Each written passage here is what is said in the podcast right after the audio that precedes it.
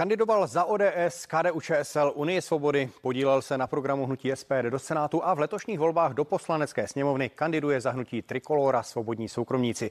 Kam směřují jeho politické ambice? Jak propojuje politiku a práci předsedy Národní rady osob se zdravotním postižením? Je společnost v roce 2021 k lidem s postižením přívětivá a ohleduplná? Mým hostem v pořadu interview bude Václav Krása. Přeji vám krásný den. No a předseda Národní rady osob se zdravotním postižením Václav Krása už je se mnou ve studiu. Já vás vítám. Dobrý den. Dobrý den. V tom výčtu stran a hnutí, se kterými jste nějakým způsobem spolupracoval v minulosti nebo jste byl jejich členem, chybí ještě občanské fórum v 90. letech a hnutí lepší řepy. Já se možná zeptám, co člověka vede k tomu, že za tři dekády eh, projde tolik hnutí, tolik eh, stran, ně, několikrát změní to své možná přesvědčení. Bylo to osobní přesvědčení ty změny, nebo ne. já, já nechci použít eh, pojem já myslím, já myslím, politický turista, ale trochu to tím zavání. Já myslím, že to tak vůbec není, že ta linka je vlastně jednoduchá. Z občanského fóra se vydělala ODS, pravicová konzervativní strana, kterou jsem pomáhal v okrese Benešov zakládat. Je v celku logické, tam to je logický, většina politiků, tak jak říkáte. Takže to je úplně logické. Potom ovšem došlo ke krizi v ODS a vznikla uh, Unie svobody, uh, kde jsem byl dokonce místo předseda jeden rok. Té strany byl jsem zakládající člen té strany, jenomže ona se podle mého hodně změnila v tom, že eh, šla hodně liberálním směrem, který není mě vlastní. Proto i ten, řekněme, můj konec v Unii svobody byl logický, protože já jsem konzervativní člověk, vždycky jsem byl, a e, takže spíš tam byla potom ta spolupráce e, s KDU ČSL, kde ale jsem nebyl členem, pouze jsem za něj kandidoval a byl jsem tomu rád, protože tehdy KDU ČSL byla skutečně konzervativní stranou, což si myslím, že už dneska tak není. A to mě také mrzí, protože já jsem mě, k ním měl opravdu blízko. Pokud jde o hnutí lepší řepy, to byla pouze komunální strana. Měl jsem zájem, když jsem bydlel v řepích, aby se některé věci změnily. A také... No, a mě spíš zajímá ta, ten závěr eh, toho vašeho turné. Žádný turné je, nebylo. Eh, no tak spolupracoval jste ještě na programu s SPD a teď kandidujete ale, za Trikolor. Ale u toho SPD to bylo jenom na pražské úrovni a jenom maličko s kolem lidí se zdravotním postižením. Novináři to hodně nafoukli, protože samozřejmě tehdy zvlášť eh, SPD bylo hodně, řekněme, těmi novináři sankcionováno a tak dále.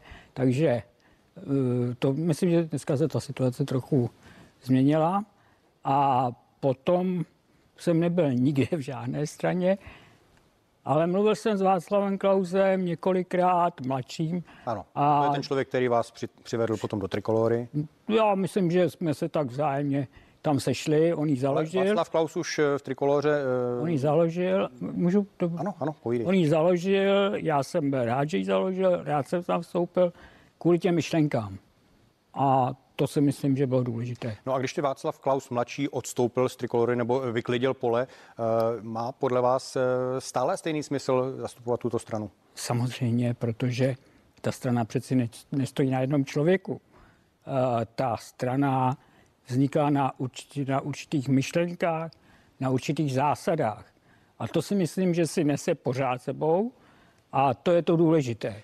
Já to znamená ještě... konzervativní pravicová politika.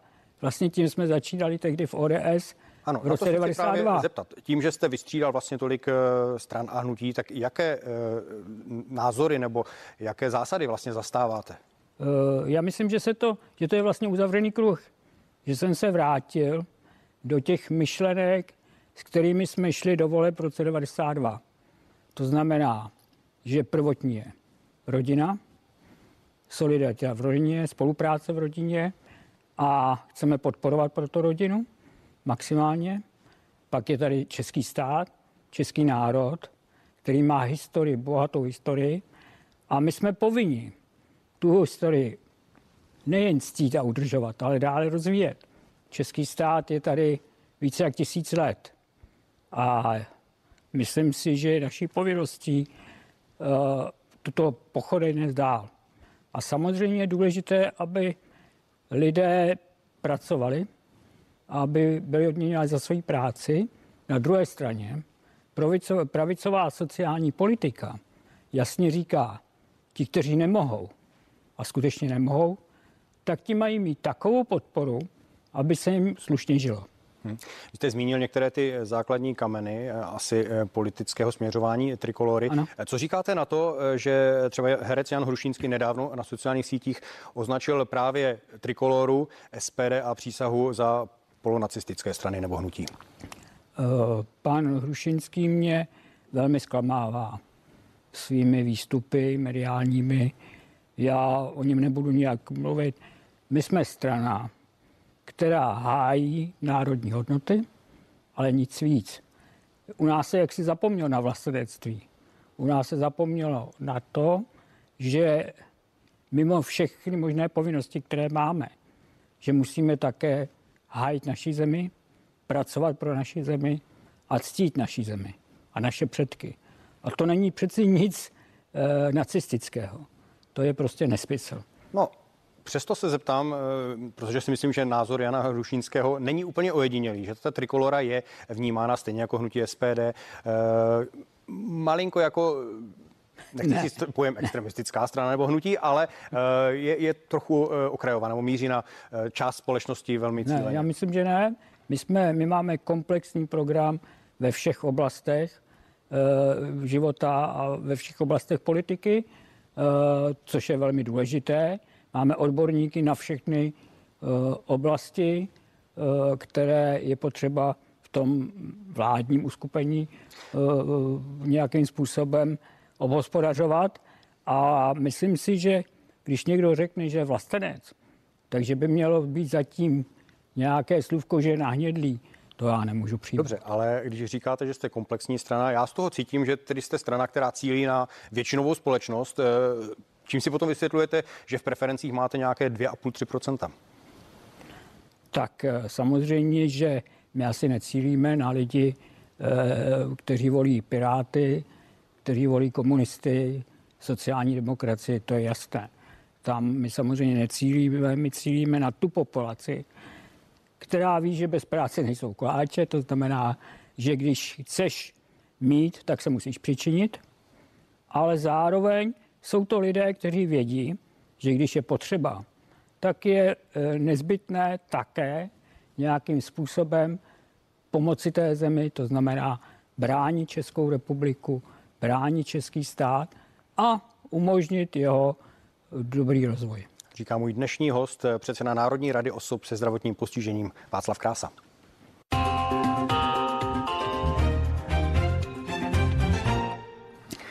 A já bych se teď eh, zaměřil právě na tu Národní radu eh, osob se zdravotním postižením, eh, které vlastně šéfujete od roku 2002. Co se za tu dobu změnilo? Jsou to bezmála dvě dekády. Když byste měl zhodnotit, jak se žije dnes lidem s handicapem v České republice oproti tomu, jak to bylo v roce 2002? Já myslím, že za tu dobu se to změnilo strašně moc. Eh, jsou tady dneska programy na odstraňování bariér eh, v přirozeném prostředí, jsou programy, nebo rozvinul se systém sociálních služeb, který vůbec nebyl a my jsme byli vlastně těmi, kdo tento systém prosadil. Já vám do toho vstoupím. Program je jedna věc, druhá věc je realita. Praxe, ne, ne, to vypadá ano, realita. ano já, to, já se k tomu dostanu. Eh, myslím si, že ta realita je dneska podstatně lepší, než byla před těmi dvěma desítkami let. Eh, na druhou stranu řada věcí se ještě nepodařila, nebo je potřeba na nich dále pracovat.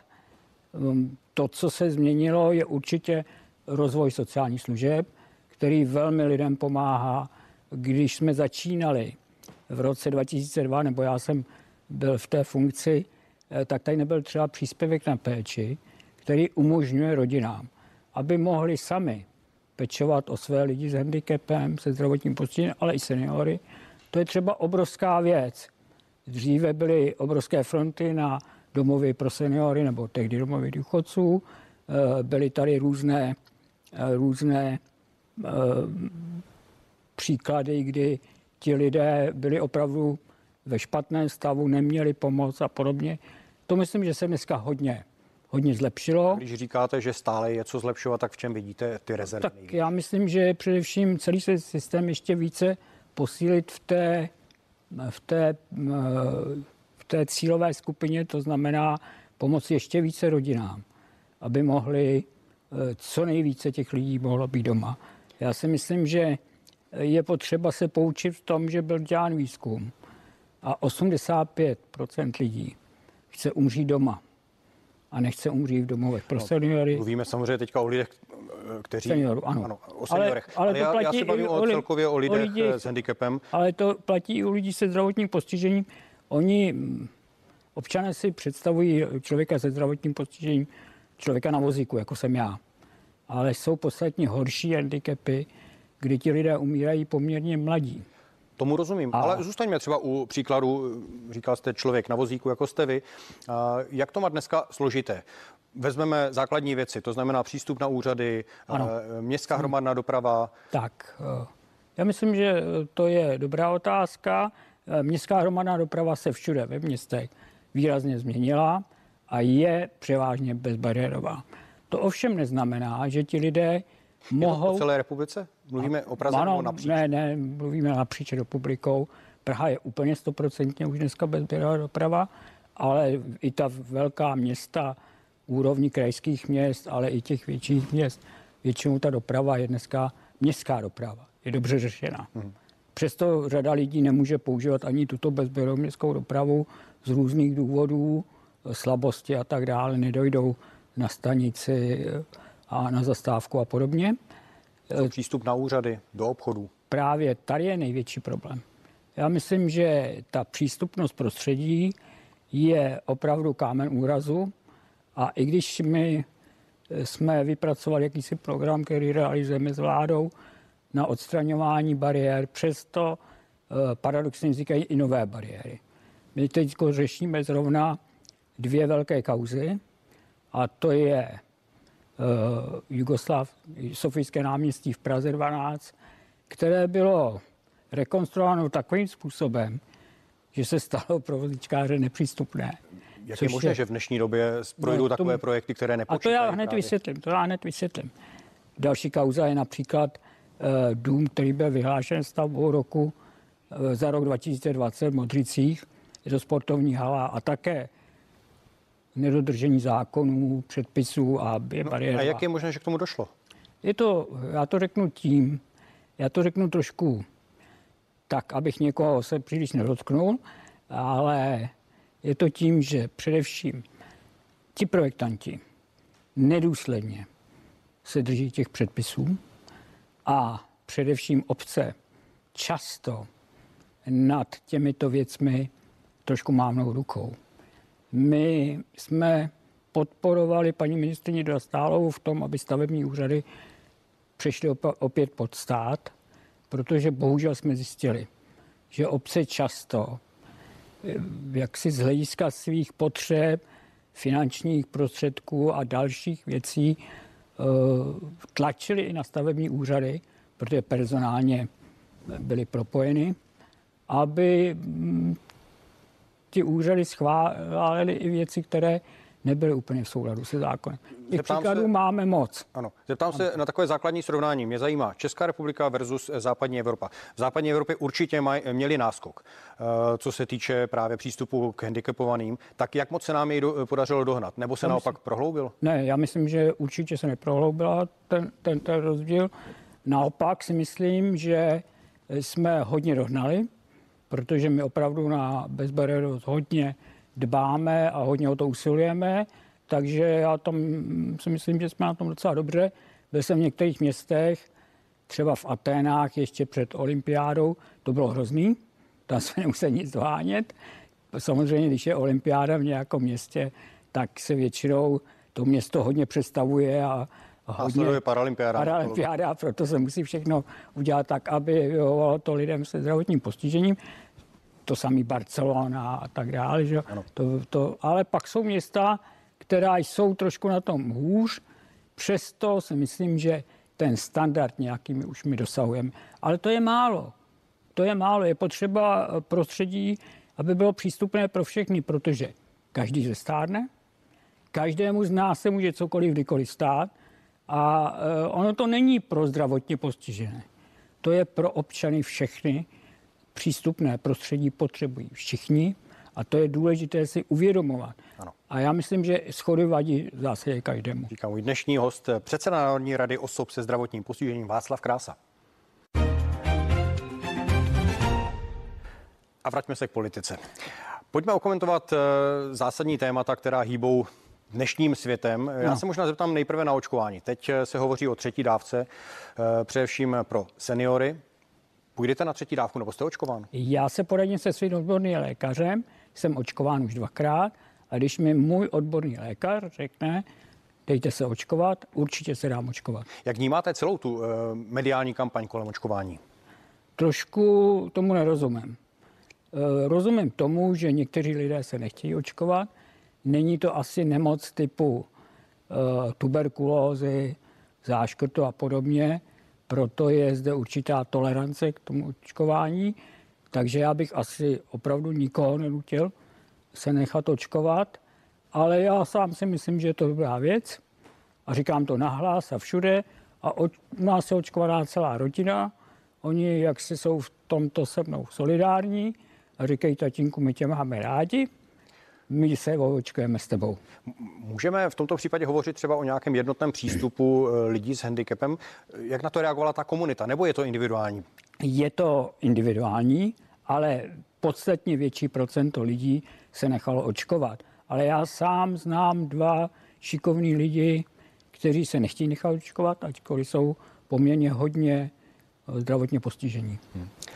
Blíží se volby. Eh, když se na to dívám, nezávislé, tak mi z toho vychází taková trochu patová situace. Jak vnímáte tu eh, politickou, to, to politické rozložení sil?